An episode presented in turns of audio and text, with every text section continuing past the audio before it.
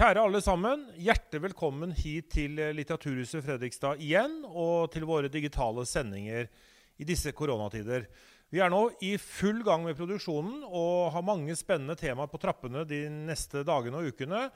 Sjekk vårt digitale program på littusfred.no, Og her kommer det nye programposter hele tiden framover. På nettsiden kan dere også se tidligere innspilte programmer.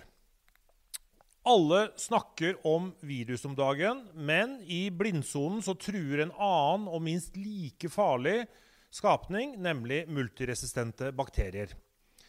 Journalist og forfatter Erik Martinussen har nettopp kommet ut med boka 'Krigen mot bakteriene'.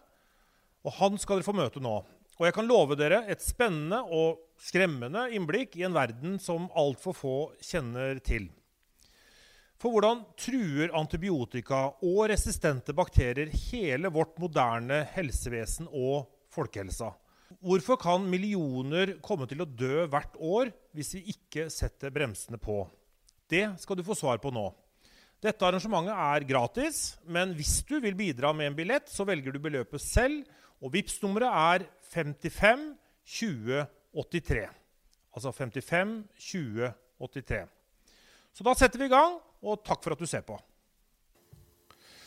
Hjertelig velkommen, eh, alle sammen. Eh, velkommen til, eh, til oss her på Litteraturhuset Fredrikstad. Og velkommen til deg, Erik Martinussen, til din, gamle, til din, gamle, hjemby. Ja, takk, takk. Hvordan var det å komme seg hit i disse koronatider? Det gikk jo ganske greit, det. Toget fra Oslo går som det skal. Så god plass. Ja. Du er jo journalist og forfatter, og så har du jobba mye med klimaspørsmål. Eh, og nå har du skrevet denne boka som vi skal snakke om. Den heter 'Krigen mot bakteriene'. Ja. Og så har den jo fått uh, strålende anmeldelser. Sekserne har jo kommet på rekke og rad. Det var litt av en timing da, ja, for denne boka. Det kan du si. Jeg har vært heldig med Kritikerne har i hvert fall uh, likt den. Så um, det er jo en veldig sånn alvorlig ramme rundt utgivelsen da, med det som skjer nå. Så um, det er jo med på å aktualisere temaet, absolutt. Mm. Men Uh, hvorfor begynte du å interessere, for, deg for dette temaet, Erik? Altså, jeg har jo alltid vært en uh, veldig nysgjerrig person og er opptatt av de store spørsmålene. uh, og som journalist så er jeg opptatt av at journalistikken skal være undersøkende og samfunnskritisk. Mm. så jeg har alltid jobbet med feature-formater og på en måte større reportasjeformater. så mm det starta med at jeg skrev en større reportasje faktisk om eh, antibiotikaresistens eh, for DN lørdag. Og så um, ble jeg mer og mer interessert og begynte å grave i dette her, og forsto hvor alvorlig og omfattende det var. Um, og det, så er det egentlig bare balla på seg. Så jeg har jobba mer eller mindre fem år med denne boka. Så, og så glemte vi, glemte vi å si hva boka heter. Den heter jo altså 'Krigen mot bakteriene'. Ja. Mm. Mm. For det er en krig som pågår. Ja, det vil jeg jo si. Og det er jo en krig som har pågått i mange hundre år, egentlig, eh, mellom mennesker og bakterier. Og, og før vi fikk antibiotika, så, så, var jo bakteriene det som tok flest eh, menneskeliv. Så det var jo virkelig et sånn turning point i eh, medisinhistorien og egentlig i menneskenes historie da, når eh, antibiotika ble oppdaga. Så det, det, er jo det er helt fundamentalt for eh, egentlig helsevesenet vårt. Nettopp. Men, men, før vi gyver løs på, på, det du skriver om, eh, så tror jeg det er kanskje greit å få litt sånn klarhet i en del begreper. Forklar, Hva er forskjellen mellom bakterier og virus? Siden det er mye snakk om virus om dagen, selvfølgelig. Så, ja. men, men, du skriver om bakterier. Hva er egentlig forskjellen mellom dette? Altså, bakterier er jo levende organismer, de minste organismene som fins. Og de kan jo dele seg og multiplisere seg sjøl, kan du si. Mens, mens, virus eh, er det mange som mener at det egentlig ikke er eh, levende vesener engang. For de, de, må inn i en celle for å kunne formere seg, da, og enda mye mindre enn bakteriene. Eh, så virus er jo en slags levende døde som flyr rundt eh, omkring oss eh, overalt. Og de fleste er jo relativt ufarlige. Eh, men, eh, men eh, noe helt annet enn en bakterier. Da. bakterier kan du se i vanlig mikroskop, de er såpass store. Mens virus da må du ha elektronmikroskop for i hele tatt å kunne se. Så veldig lenge så visste man jo ikke at det fantes virus engang. For de er så ørsmå. da. Mm. Og så, er det, men, men, men, men eh, hvis jeg har forstått eh, det rett, så har vi både Vi har jo gode bakterier, eh, for å bruke det begrepet, og gode altså virus som er på en måte helt ufarlige. Og så har vi farlige virus og farlige bakterier. Ja, og det, er, det pågår jo hele tiden en krig mellom virus og bakterier òg. Det fins jo masse virus som dreper bakterier, og bakterier som, som dreper hverandre. Så det er jo liksom dette, denne skogen av disse mikroorganismene som vi mennesker og planter og dyr lever på toppen av. Ehm, og så jeg skriver litt om i boka at uh, vi stammer jo egentlig alle fra bakteriene. Den første organismen som levde på jorda, var en bakterie. Uh, og fra den har egentlig alt av av plante- og dyreliv utvikla seg. Da. Så, og som du er inne på, vi bærer jo også på eh, ti ganger så mange bakterier som vi har celler i kroppen. Så vi er jo et levende økosystem, du og jeg, her vi sitter. og de fleste av de bakteriene er jo slett ikke farlige i det hele tatt. De er tvert imot veldig viktige å ha med seg for immunforsvaret og kan være med å bekjempe virusinfeksjoner f.eks. Så det, denne krigen mot bakteriene da, den handler jo liksom om de bakteriene som, eh, som plutselig snur seg mot oss og angriper immunforsvaret oss. da. Eh, som er mindretallet, vel å merke, men eh, ekstra farlige. Og så kommer vi til å snakke eh, eh, senere i sendinga kommer vi til å snakke om både penicillin og antibiotika. Hva er forskjellen mellom de to begrepene? Ja, Penicillinet var jo på mange måter det første antibiotikaet. Det var jo det antibiotika som Alexander Flemming oppdaget. Og I dag har vi mange typer antibiotika, så antibiotika er et samlebegrep for alle typer medisiner da, som kan uh, drepe bakterier.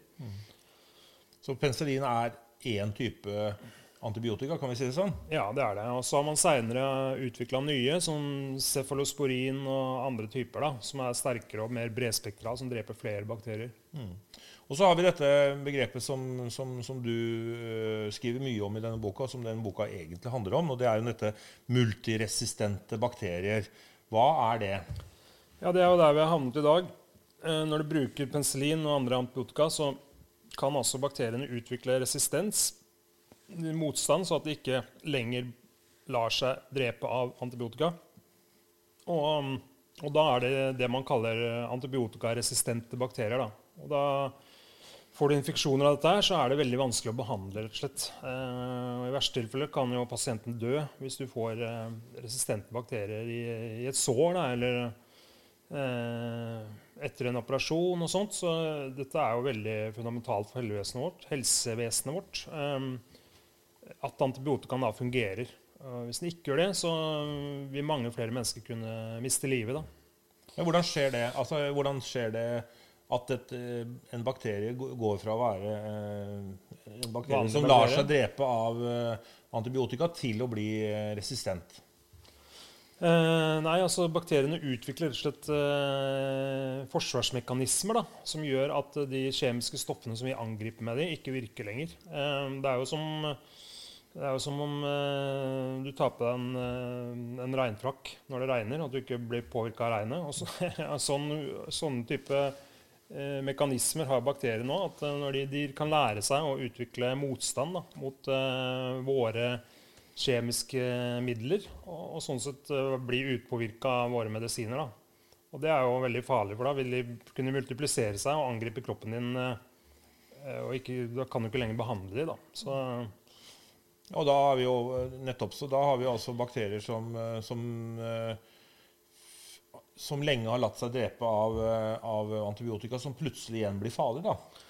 absolutt. Og det er jo som professor Dag Berild ved Universitetssykehuset i Oslo sier, at det her kan sette hele legevitenskapen 100 år tilbake i tid. Altså Vi kommer på en måte til det tidspunktet før antibiotikaen, hvor folk kunne, kunne dø av et, et risp i fingeren, eller eh, hvor det ikke var, lenge var, ikke var mulig å på en måte eh, gjøre operasjoner og den type ting, fordi at eh, bakterieinfeksjoner hele tiden trua med å ja, ta livet av pasientene. Da.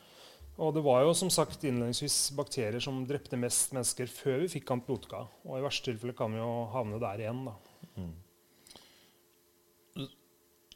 det er jo et ganske dystert bilde som du tegner i denne boka di, eh, Erik. Du ringer jo hardt og høyt i alarmklokkene. Hva er, hva er hovedbudskapet i, i denne nye boka di? Jeg tror folk må forstå hvor fundamentalt eh, antibiotika er for helsevesenet vårt. Vi har I dag brukes antibiotika mot uh, alt mulig. Ørebetennelse og halsbetennelser. Og, tidligere ble det nesten brukt mot forkjølelse, som det ikke har noen virkning mot. Og Konsekvensen av dette er jo at flere og flere bakterier blir resistente, og de kan angripe oss og gjøre oss syke igjen. Så um, dette er rett og slett eh, den største trusselen vi har mot helsevesenet vårt. Og det kan undergrave hele helses helsevesenet. Uh, I verste tilfelle vil du ikke kunne gjennomføre operasjoner. Du kan ikke sette inn proteser lenger. Fordi? Uh, ja. Fordi? Ja, fordi, uh, fordi, du da vil kunne få bakterieinfeksjoner. Alle, alle, operasjoner i dag er jo avhengig av, antibiotika. Når du, skal, skal, du bare ta blindtarmen, så får du ofte antibiotika postoperativt for å hindre infeksjoner. Da. Og det er klart hvis, eh, Når de står og skjærer i kroppen din og skal operere, så, så kan du få infeksjoner. Eh, og uten antibiotika så kan du i verste dø av det. Da. Da, da, vil jo til og med det å ta blindtarmen kunne være dødelig. Da. så det er jo veldig veldig alvorlig og veldig fundamentalt eh, for hele helsevesenet. Eh, og så er det sånn at eh, til og med i situasjonen som vi er i nå, skal kanskje komme tilbake til, Eh, hvor hele helsevesenet havner i en stressituasjon. Veldig mange pasienter skal virus, behandles for, for virus. Eh, så vil denne type problematikk eh, vokse seg større. Da. Mm. Nå er det jo sånn at Du kan ikke behandle virus med antibiotika, men en pasient som har fått en virusinfeksjon, vil også lettere kunne få en bakteriell infeksjon. Da. Så disse tingene henger jo sammen. Nettopp. For, for, for, dette lurte jeg litt på. Hvorfor skal vi egentlig bry oss om disse bakteriene nå når hele verden eh, kjemper mot en, eh, sånn en innbitt kamp da, mot en annen fiende, nemlig viruset? Hvorfor er dette så viktig å snakke om nå? Ja, det er klart eh, eh Virusinfeksjoner, eh, nei, viruspandemier, da, sånn som den koronakrisen vi har nå, og spanskesyken i sin tid, som også var en viruspandemi, de er jo eh, tidsmessig korte. Eh, det varer kanskje et, et års tid og, og, vil ta masse menneskeliv, så man må jo bygge opp et vern mot det også. Men etter hvert vil kroppen utvikle immunitet, og så vil eh, virusepidemien falle av. Og man kan utvikle vaksiner og sånt. Mens dette som, eh, det med bakterieinfeksjoner er mye mer snikende og langsiktig. Og det som forskerne nå sier, er at 10 eh, millioner mennesker kan dø av dette her i året innen 2050. Av? Av resistente bakterier. Eh, så på lang sikt er jo dette en mye mer alvorlig, alvorlig helsekrise, egentlig. Mm. Men, men, nettopp. Eh, men gi oss, gi oss, noen tall her, eh, Erik Martinussen. Hva er omfanget av dette problemet i dag? Hvor mange er det som dør av det? Og hvor mange er det som ja, Du har vel også vært inne på, på noen prognoser hvor mange ja. kan komme til å dø av dette her i, i framtiden? Ja, Man mener jo allerede i dag eh, Nå har vi brukt antibiotika i 70 år. Eh, at 700 000 mennesker dør i året av resistente mikrober. Og vi skal jo helst ha antibiotika i mange generasjoner. Så med dette tempoet i utvikling av resistens så vil altså 10 millioner mennesker kunne dø hvert år eh, innen 2050. Altså om 30 år. Og Det betyr jo da at mine barn og barnebarn kanskje ikke er så heldige å ha denne medisinen lenger. Da. Eh, og da vil jo ja, de vil ha det, det, sier noe om hvor kort dette tidsvinduet hvor vi har kunnet behandle bakterieinfeksjoner, eh, kan bli. Eh, så det er jo veldig viktig at man da reduserer overforbruk av antibiotika. og å og spare antibiotikaen til der hvor det virkelig trengs, som er ved alvorlige infeksjoner og, og, og, operasjoner og sånt. For det er overforbruket som er problemet her? Ja, absolutt. Uh, og det aller meste av det, det er jo tragedien oppi der, brukes jo i kjøttproduksjon. 80% av antibiotikaen, våre viktigste medisiner, går til å produsere kjøtt. Altså mat? Eh, ja, rett og slett. Eh, og i, i land som Spania og Italia eh, går enorme mengder antibiotika til, å, til kjøttindustrien. det skyldes rett og slett at produksjonen er så intensiv, at dyra står så tett at de risikerer å bli syke, og da må du gi dem antibiotika. Mm. Og Den andre årsaken er at det også har en vekstfremmende funksjon. At det, du kan få mer kjøtt Eh, produsert per eh, kilo mat du gir eh, grisen eller kyllingen. Og Derfor har man brukt dette som vekstfremmer også. Da. Og på den måten har man egentlig eh, underminert bruken. Altså ødelagt, eh, ja, ødelagt for seg sjøl, egentlig. Det er jo veldig ja, trist historie. Vi skal komme tilbake til, eh, til eh, dagens situasjon. eh, Men, men først så har jeg lyst til at vi skal se litt bakover. For du skriver jo mye om bakteriene og menneskenes historie. Og vi har jo levd, som du har sagt, sammen helt siden, siden tidenes morgen. Og så har det vært mange pestutbrudd og pandemier gjennom tidene. Fortell litt om hvordan bakterier og disse sykdommene har herja opp, eh, opp gjennom tidene. Vi, vi, har jo mange, ja. har mange hørt om svartedauden, sånn, men, men dette er jo, dette er jo noen gjentagende, gjentagende eh, sykdom, altså Ja. utbrudd som kommer med jevne mellomrom. Ja, du kan si akkurat Når det gjelder eh, bakterieinfeksjoner, da, så er jo det egentlig en kontinuerlig prosess som blomstrer opp innimellom. Eh, og jeg, du, nevner jo, du nevner jo pest, og det er den første historien jeg egentlig forteller i boka, er hvor alvorlig pestepidemiene har vært opp gjennom historien. Um, alle kjenner jo til svartedauden, hvor det, pest tok eh, 20 millioner menneskeliv. Det er jo altså Den verste pandemien noensinne var sånn sett en bakteriepandemi, og ikke virus. Eh, og siden blomstret jo pesten opp igjen. Eh, og så seint som på 1800-tallet hadde man epidemier av pest. Eh, og så har man slått det tilbake, bl.a. med antibiotika. da. Eh, men, men det som er viktig å understreke her, er at eh, også helt va vanlige infeksjoner som skyldes så, eh, altså, som jeg er inne på, et sår i fingeren eller en, et, et kutt, altså at du skader deg da, og får en infeksjon i, i et sår, type vanlige sårinfeksjoner, er jo det som tok mest liv, som var det mest alvorlige. Hvis du leser Emil i Lønneberget, så forteller han om Alfred, drengen på gården. Han eh, får jo en sånn infeksjon, og så snakker, snakker de om at han kan få blodforgiftning. Da. Og dette var jo veldig vanlig i gamle dager. at folk eh, ramler i en trapp og så få en infeksjon og dø. Da. Rett og slett av så e- elementære ting. Eh, og det er det det egentlig handler om, mer enn disse eh, pandemiene. Da. Eh, for dette kan skje hvermannsen, og jeg tror nesten alle som lever i dag, har fått antibiotika på et eller annet tidspunkt mot en eller annen infeksjon. Og det viser på en måte hvor fundamentalt det er. da. Men har vi noen, eh, har vi noen store bakterieutbrudd som, som, eh, som har forårsaka både død og lidelse i, i, som i nær fortid? Eh, er det noen som Ja, ja, absolutt. Eh, tuberkulose har jo vært eh, kanskje det mest alvorlige opp gjennom eh, årene. og så seint som på 60-tallet tok jo tuberkulose liv i mange liv i Norge. Og titalls tusen liv i USA. Så, og det var jo antibiotika som slo eh, tuberkulosen tilbake. Eh, og i dag eh, har man begynt å få resistent tuberkulose. At du ikke kan behandle tuberkulose med antibiotika. Eh, og dette er ganske utbredt i en del østeuropeiske land bl.a. Og vi har også hatt pasienter i Norge med dette her. Så det er jo noe mange leger og i helsesektoren frykter. da, At man skal få tilbake tuberkulosen, som var en frykta veldig fæl sykdom. Folk, Altså en lungesykdom som korona, for så vidt, men eh, på en måte mye verre. Mye mer dødelig. og Pasientene ender opp med å hoste blod og til slutt kveler seg sjøl. Jo fryktelige sykdommer som fantes eh, for ikke mange år siden. Man snakker jo 50-60 år siden hvor dette var vanlige sykdommer. Og polio er jo Veldig mange norske familier har jo, har jo en, en familiemedlem som, som ble ramma av polio på 50 Ja, det er riktig. Ja. Eh, Polio er også, var en virussykdom som man heldigvis har fått uh, Det var virus. Ja, Ja. Han har fått uh, um, vaksine mot. Uh, men, eh, men det er sant. eh, både vaksiner og antibiotika har vært veldig viktig da, for å bekjempe disse gamle sykdommene. Men så har vi jo historien om eh, Alexander Flemming. Eh, hvordan, var, hvordan var det han oppdaga denne antibiotikaen?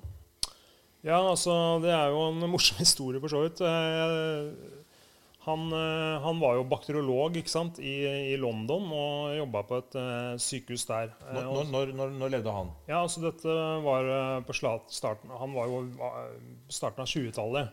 1920-tallet. ja. Ja, eh, og da hadde man akkurat oppdaget at eh, da man utvikla mikroskop Man visste at det fantes bakterier. Eh, før 1880 visste man jo ikke det engang. Så han studerte bakterier og var opptatt av stafylokokker, da, som er en bakterie som lever på huden, og som på den tiden førte til mange bakterieinfeksjoner. Så han drev og forska på dette her, jobbet med en bok og hadde disse bakteriene i sånne små glass på, på pulten sin. Um, og så dro han på ferie og var egentlig borte to-tre måneder. Og kom tilbake på laboratoriet sitt. Og da opp, skulle han rydde opp i dette her. Ergerlig sikkert. Her står liksom alt utover. Hvorfor rydder jeg ikke opp før sommeren? og så begynner han å rote i dette her, og så finner han plutselig en, en prøve eh, som det er en uh, gror en merkelig sopp på.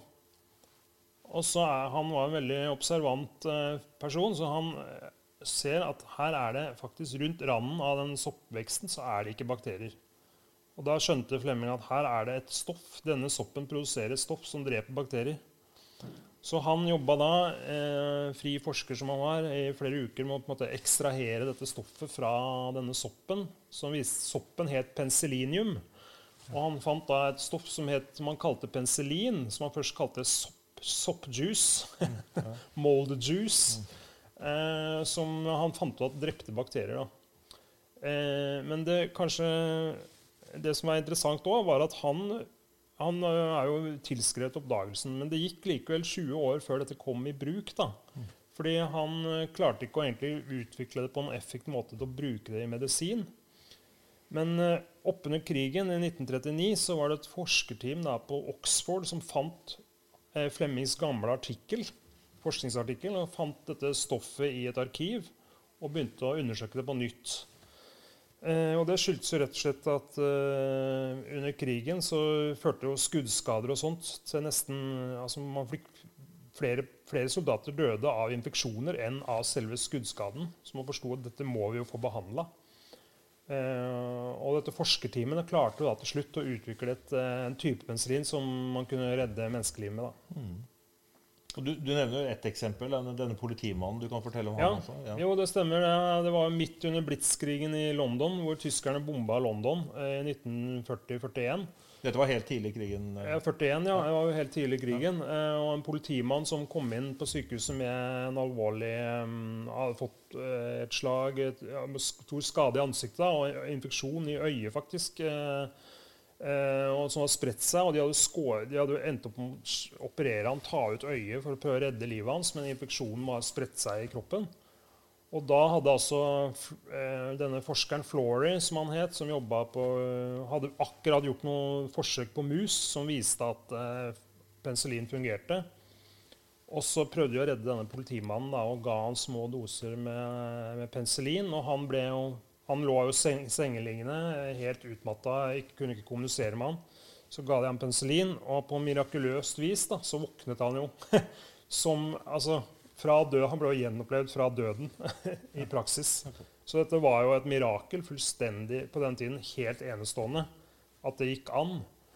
Eh, og eh, Alexander, da, som politimannen het, han fikk flere doser antibiotika og ble mer eller mindre frisk. Men så gikk de tom for medisin. For dette var jo helt, De hadde akkurat begynt å utvikle det. Uh, og han fikk tilbakefall, og de var jo desperate etter å redde ham. Han begynte å filtrere ut uh, penicillin av urinen til Alexander, da. men klarte ikke altså å få fram nok uh, til å redde hans liv. Så han fikk tilbakefall og døde. Da. Altså, en trist historie, men de, det var jo nok til at de da forsto at her har vi et, en vidunderkur. De fikk penger til å utvikle det og fikk amerikansk hjelp. Og på D-dagen, da, invasjonen av Normandie, så spilte jo penicillinen en avgjørende rolle og redda tusenvis av soldatliv.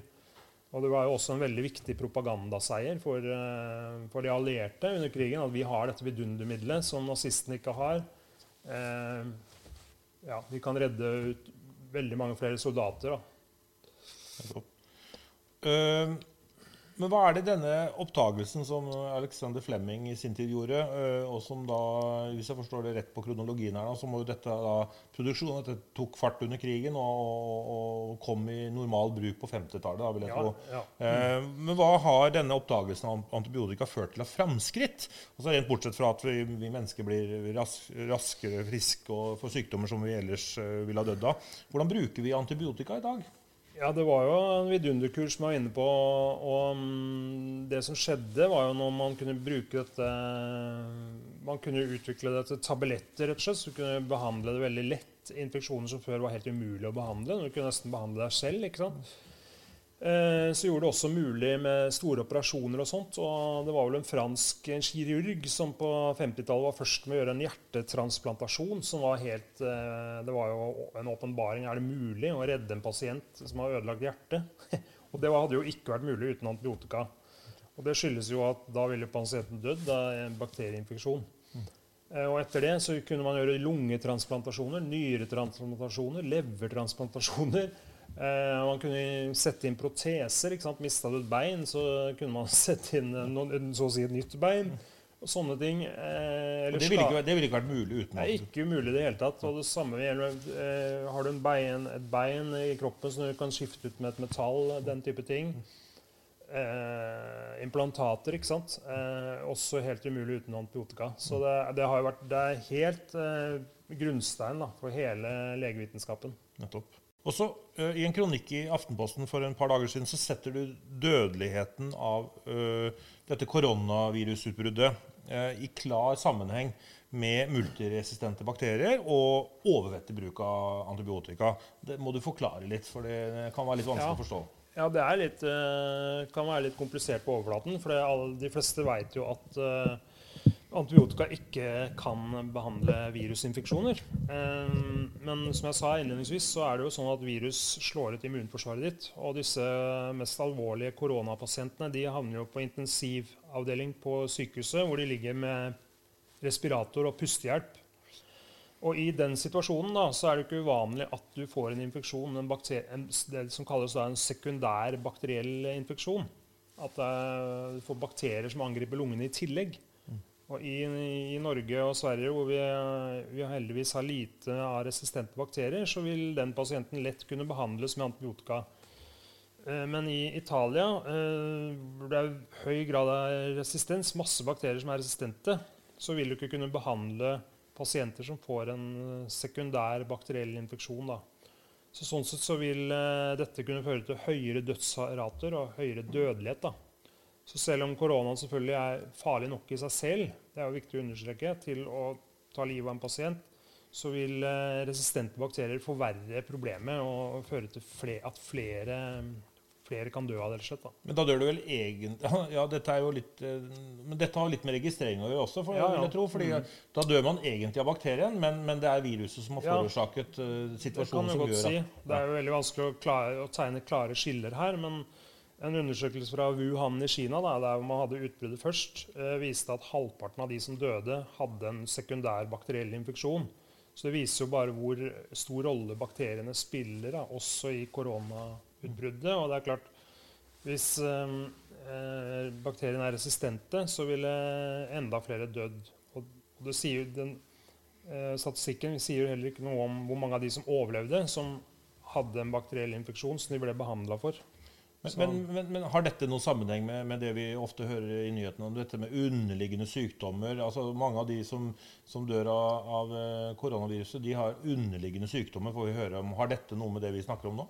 Nei, ikke direkte. Eh, eh, korona angriper jo folk som allerede har et svekka immunforsvar. Men, eh, men det som kan sies i den sammenheng, er jo at også bakterier kan angripe folk med svekka immunforsvar. Da. Så, sånn sett er det jo likhetstrekk her. at eh, folk som, Det er jo de svakeste blant oss som eh, ofte får infeksjoner. og sånn sett er jo derfor vi har antibiotika, for å beskytte alle mennesker, uavhengig av hvor eh, god helse du har. Helt opp. Men hvor, hvor, alvorlig er dette problemet? Med, altså, ja, først, eh, Du nevnte dette ved Italia og Spania. Der er det så mange multiresistente bakterier. sa du. Hvorfor er det sånn at i noen land er det mange av dette, eller mye av dette, og f.eks. i Norge litt mindre? Hva, hva, hva, hvorfor er det forskjeller her? Ja, det er helt direkte knytta til bruken. rett og slett. De har overforbrukt antibiotika, brukt altfor mye i helsevesenet. Eh, Behandla folk med antibiotika som ikke trenger antibiotika. De utvikler resistente bakterier, sprer de til andre. I tillegg er det sånn at uh, kjøttindustrien bruker enorme mengder med antibiotika eh, for å produsere kjøtt, rett og slett. Eh, og um, da utvikler griser og kylling resistente bakterier, som vi kaller for ESBL, som sprer seg til mennesker igjen. Og bakteriene snakker sammen og deler resistensegenskaper, som det heter. Så hvis noen bakterier er resistente, kan de gi eh, resistensegenskapen sin. De samarbeider til andre bakterier. Så sprer seg som en brann eh, fra bakterier til bakterier. Um, noen sier at det er som en minnepinne, at du har en kode på en minnepinne som du gir til en annen. Sånn eh, opptrer bakterier nå. Uh, og sånn sett har de fått et veldig stort problem da, med resistente bakterier som, faktisk, som i praksis har bosatt seg på sykehusene. Um, Men kan, men kan dette være Kan det være Jeg vet at du, du er jo ikke forsker, du er jo ikke Nei. lege, men, men kan dette være noe av forklaringen på at man nettopp i Italia og Spania ser så veldig høye dødstall som vi gjør nå? Ja, ja, absolutt. Eh, For det er jo de bakteriene som, eh, som, eh, ja, som angriper pasientene som ligger i respirator. Du har da sykehusbakterier som er resistente, som kan angripe pasientene. Og kan du ikke behandle bakterien da, så dør jo pasienten. Så, Så, det, så det kan være en klar link her mellom multiresistente multiresistente ja. bakterier og koronaviruset. Ja, det er ikke noe kontroversielt i det hele tatt å si at intensivbehandler, ja, er jo eh, veldig sårbare for resistente bakterier i utgangspunktet. Og det gjelder jo om det er korona eller annet. Eh, det er jo åpenbart at eh, en del leger er syndebukker her eh, i forhold til å skrive ut for mye antibiotika. Eh, men det er jo Men du legger jo minst like mye skylda på, som du også var inne på her, nettopp matindustrien og, og, og bøndene. Dette må du forklare litt. Ja, de bruker jo som sagt veldig mye antibiotika på, i kjøttproduksjonen. Skal du produsere en, en gris, så får du mer kjøtt eh, hvis du gir eh, antibiotika til grisen, fordi det er en, eh, har fungert som en vekstfremmer. Da. Eh, så resistensegenskapene sprer seg jo fra griseproduksjonen og kyllingproduksjonen til oss mennesker. Da. Men hvordan, foregår det i praksis? Får, dyra antibiotika når du er syke, eller, eller får du det som en del av kostholdet? Ja, de får det rett til fôret, rett og slett. Ja. Så det er jo helt rutinemessig. da. Så Der hvor vi i Norge tar ut ett og ett dyr som er sjukt, og behandler det ene dyret, så gir de altså antibiotika til hele Industriell produksjon her? Er I Norge har vi kanskje 100 griser på en bås. Der har de 1000. så, og da fôrer de antibiotika til alle. Så, Nettopp. Og du skriver vel faktisk at uh, 73 av all antibiotikaen uh, Mm, ja. som brukes i verden, den brukes nettopp i dyreindustrien. Så de er, de er verstingene her, da. Ja, mellom 70 og 80 prosent. Så jeg var jo besøkte det jeg beskriver i boka. Jeg var jo veldig nysgjerrig på dette her. Hvordan dette, hvorfor gjør de det? Hvordan bruker de det? Så jeg besøkte en, en britisk svinebonde da, som uh, gjør dette. og skuffer inn antibiotika i maten til grisene. Uh, og han var jo klar over at dette var et problem, men han mente at det var nødvendig. Ellers så ville grisene dø. da.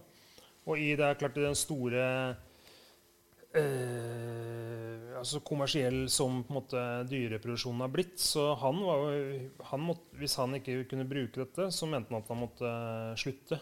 For han var i konkurranse med andre som produserte enda billigere kjøtt. Italienske og spanske grisebønder ikke sant? som kunne produsere enda billigere. Så det er jo veldig press for å opprettholde dette her kommersielt sett. Da. Så, mm, men heldigvis er det, ligger det reguleringer nå fra EU sin side på å få til begrensninger.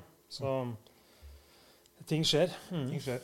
Og så er det jo sånn her i verden at alt henger jo sammen med alt. eh, og, og, og her er det jo også en link til, eh, til den klimakrisen vi ser. Eh, og her kan jo Du er vel også, også inne på dette boka. Her kan vi mennesker løse egentlig to store og voksne problemer i en smekk. da. Eh, og det er jo kjøttkonsumet vårt som er, eh, som er problemet. Ja, jeg vil jo ikke si, eh, si det så klart. Eh, folk må gjerne spise kjøtt. Eh, det er jo mer måten vi produserer kjøttet på som er problemet, da. Så det er ikke noe med at vi spiser for mye kjøtt, eh, fordi det er jo med å Jeg, jeg, bare, jeg bare spør her nå. eh, ja. Det er med å, å, å Ja, det kan det jo- Veldig stor jo- dyreproduksjon og også et stort behov for, eh, for antibiotika. Det har jo vært mye opp, mye opp i diskusjonen at man vil redusere kjøttforbruket for å kutte klimagassutslipp. Eh, men det har vært lite debattert da, at, eh, at dette også har betydning for dyrevelferd og, og folkehelse pga. antibiotikabruken. Så det er klart, eh, det er jo mye mer kostbart og, og dyrere å produsere kjøtt sånn som vi gjør i Norge, men, men det gir bedre ja, det blir bedre, bedre kjøtt. Da. Og, be, og, vi unngår de problemene som man har nedover i Europa nå. Nettopp. Men hvor mye mer kjøtt spiser vi i dag eh, kontra for la oss si 20-30 år siden? Hvor mye? Hvor mye mer kjøtt spiser vi i dag? Ja, Jeg kjenner ikke de tallene i detalj, men det er vel fire-fem ganger så mye kjøtt vi spiser i Norge som 1980. Så mm, mye, mye, høyere kjøttforbruk nå. Mm, mm. Men, men, Norge er ikke verstinger på dette feltet? Altså, Vi ligger ganske høyt på kjøttforbruk. Ja, Jeg tenker på i forhold til bruk av antibiotika nei, nei, tvert imot. Vi er jo veldig eh, gode på det. Ja. Mm. Så både Sverige og, og Norge jo, um, bruker jo veldig lite antibiotika i kjøttproduksjonen. Ørsmå mengder sammenligna med Spania og Italia. Mm. Men her, det, her, må kanskje verdenssamfunnet opp med noen, noen eh, slags globale reguleringer på, på lang sikt? da? Ja, absolutt. EU eh, e jobber jo nå med noen regler på å regulere eh, antibiotikabruken i kjøttproduksjonen. Det har vært veldig sterk motstand mot dette, nettopp fordi at det er en kultur for å bruke det. Bøndene og veterinærene tenker at det ikke er farlig. De har ikke sett konsekvensene. Og det blir dyrere å produsere kjøttet kanskje uten antibiotika. Så det, det har vært vanskelig å få til. Um, så, så, men nå ligger det nye regler fra EU som sagt, på, på, som vil begrense det, og det er veldig bra. Mm. Men, men, vi har jo snakka mye om problemer og, og, og Uh, tegner et ganske dystert bilde av hvordan det står til. Men er det noen, er det noen løsning på dette? her? Hva, hva, som, hva, tror du kan være en slags løsning på dette voksne problemet da, som du beskriver? Ja, absolutt. Det er noe jeg skriver mest om i boka. egentlig. Så, ja. det er jo både det at man må begrense bruken, både i, i vanlig helsevesen og i kjøttproduksjonen. I tillegg fins det en del veldig spennende alternativer. da og før man hadde antibiotika, for eksempel, så, så fantes det noe som het eh, bakteriofager. Ja. Som er virus som dreper bakterier. Og det er en annen vitenskapsmann som er mye mindre kjent enn Flemming, som, som uh, fant dette her. Han het Felix Derell og var fransk. Og fant altså eh, virus som drepte bakterier. Og han kunne behandle Det høres jo helt vilt ut, men han kunne også behandle de fleste infeksjoner da, med, med disse virusene. Og dette tok han med seg videre til eh, det som da var Sovjet. Og utvikla en stor produksjon i Georgia som pågår den dag i dag, faktisk. Og, og der behandler de altså folk eh, med disse bakteriofagene. Ja, Istedenfor antibiotika? Istedenfor antibiotika. Og jeg var jo besøkt dette forskningsinstituttet, og det har også sjekka med, med forskere i, i Vesten. da, og alle er enige om at dette faktisk fungerer, men man er usikker på, altså man vet at de bakteriofagene dreper bakterier, men man er usikker på hvor effektivt det er. da. Men de har jo veldig mange i Georgia og også i Polen som driver og, og forsker på det her. Så har de masse studier som viser at det fungerer. da. Men det er veldig dyrt å oppskalere. Og hvis du skal starte den type eh, randomized uh, undersøkelser, hvor du må ha tusenvis av folk som du skal teste på for å kunne det, Sånne ting er det jo bare store farmasiselskaper som skal gjøre. Og de sitter allerede med patenter på sine antibiotika, så det å få finansiert opp uh, den type medisin er veldig dyrt da, og vanskelig å få til.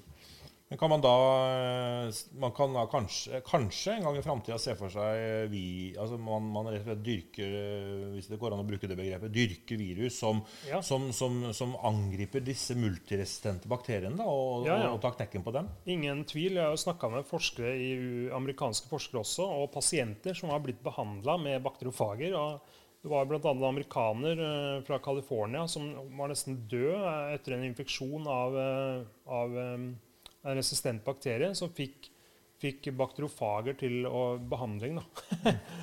Fra, og, det amerikanske marinen har en database med dette. her. De har jo altså masse forskjellige bakterofager på lager som de vil kunne bruke i en krisesituasjon. Så det er et kjent fenomen at dette faktisk fungerer. Men som sagt, er usikker på hvor godt det vil fungere på mange pasienter. og sånt. Eh, så her trengs det jo masse mer forskning, men det er veldig spennende. Jeg skriver masse om dette her i, i boka. da, og mm. Jeg har jo også reist til Georgia og, og besøkt forskningsinstituttet der. Det var jo helt eh, fantastisk. det foregår. Men dette er jo ikke noe du og jeg kan drive med på kjøkkenbenken, Erik. Men hva er, det, men hva er, hva er det du og jeg kan gjøre, da? Og alle som, som sitter og ser på, alle som hører på nå. Hva er det vi kan gjøre for å hjelpe til i denne kampen mot disse multiresistente bakteriene? Ja, Først og fremst så er det viktig at du eh, lytter til legen din. da, og må ikke bruke antibiotika hvis du ikke trenger det. Og folk har blitt flinkere, men tidligere var det veldig mange som maste på legen sin for å få antibiotikabehandling, selv om man kanskje ikke trengte det. Og da skrev jo legene ut mer enn, enn det de behøvde. Så det er egentlig så enkelt at uh, det er klart hvis du har en alvorlig infeksjon, så skal det behandles. Uh, så, og dette er det jo legene som vet best, så, så lytt til de, og ikke bruk antibiotika når du ikke skal. Nettopp. Da tror jeg vi har kommet til veis ende, eh, Erik Martinussen. Tusen takk for at du kunne komme hit på besøk til Litteraturhuset Fredrikstad. Og takk for at du lærte oss litt mer om disse, denne skal vi si, snikende og dette farlige ja. Eh, helseproblemet. Eh, lykke til videre i arbeidet ditt, og lykke til videre med boka di. Og så håper jeg at du og alle dere hjemme holder dere friske. Takk for oss for nå. Tusen takk.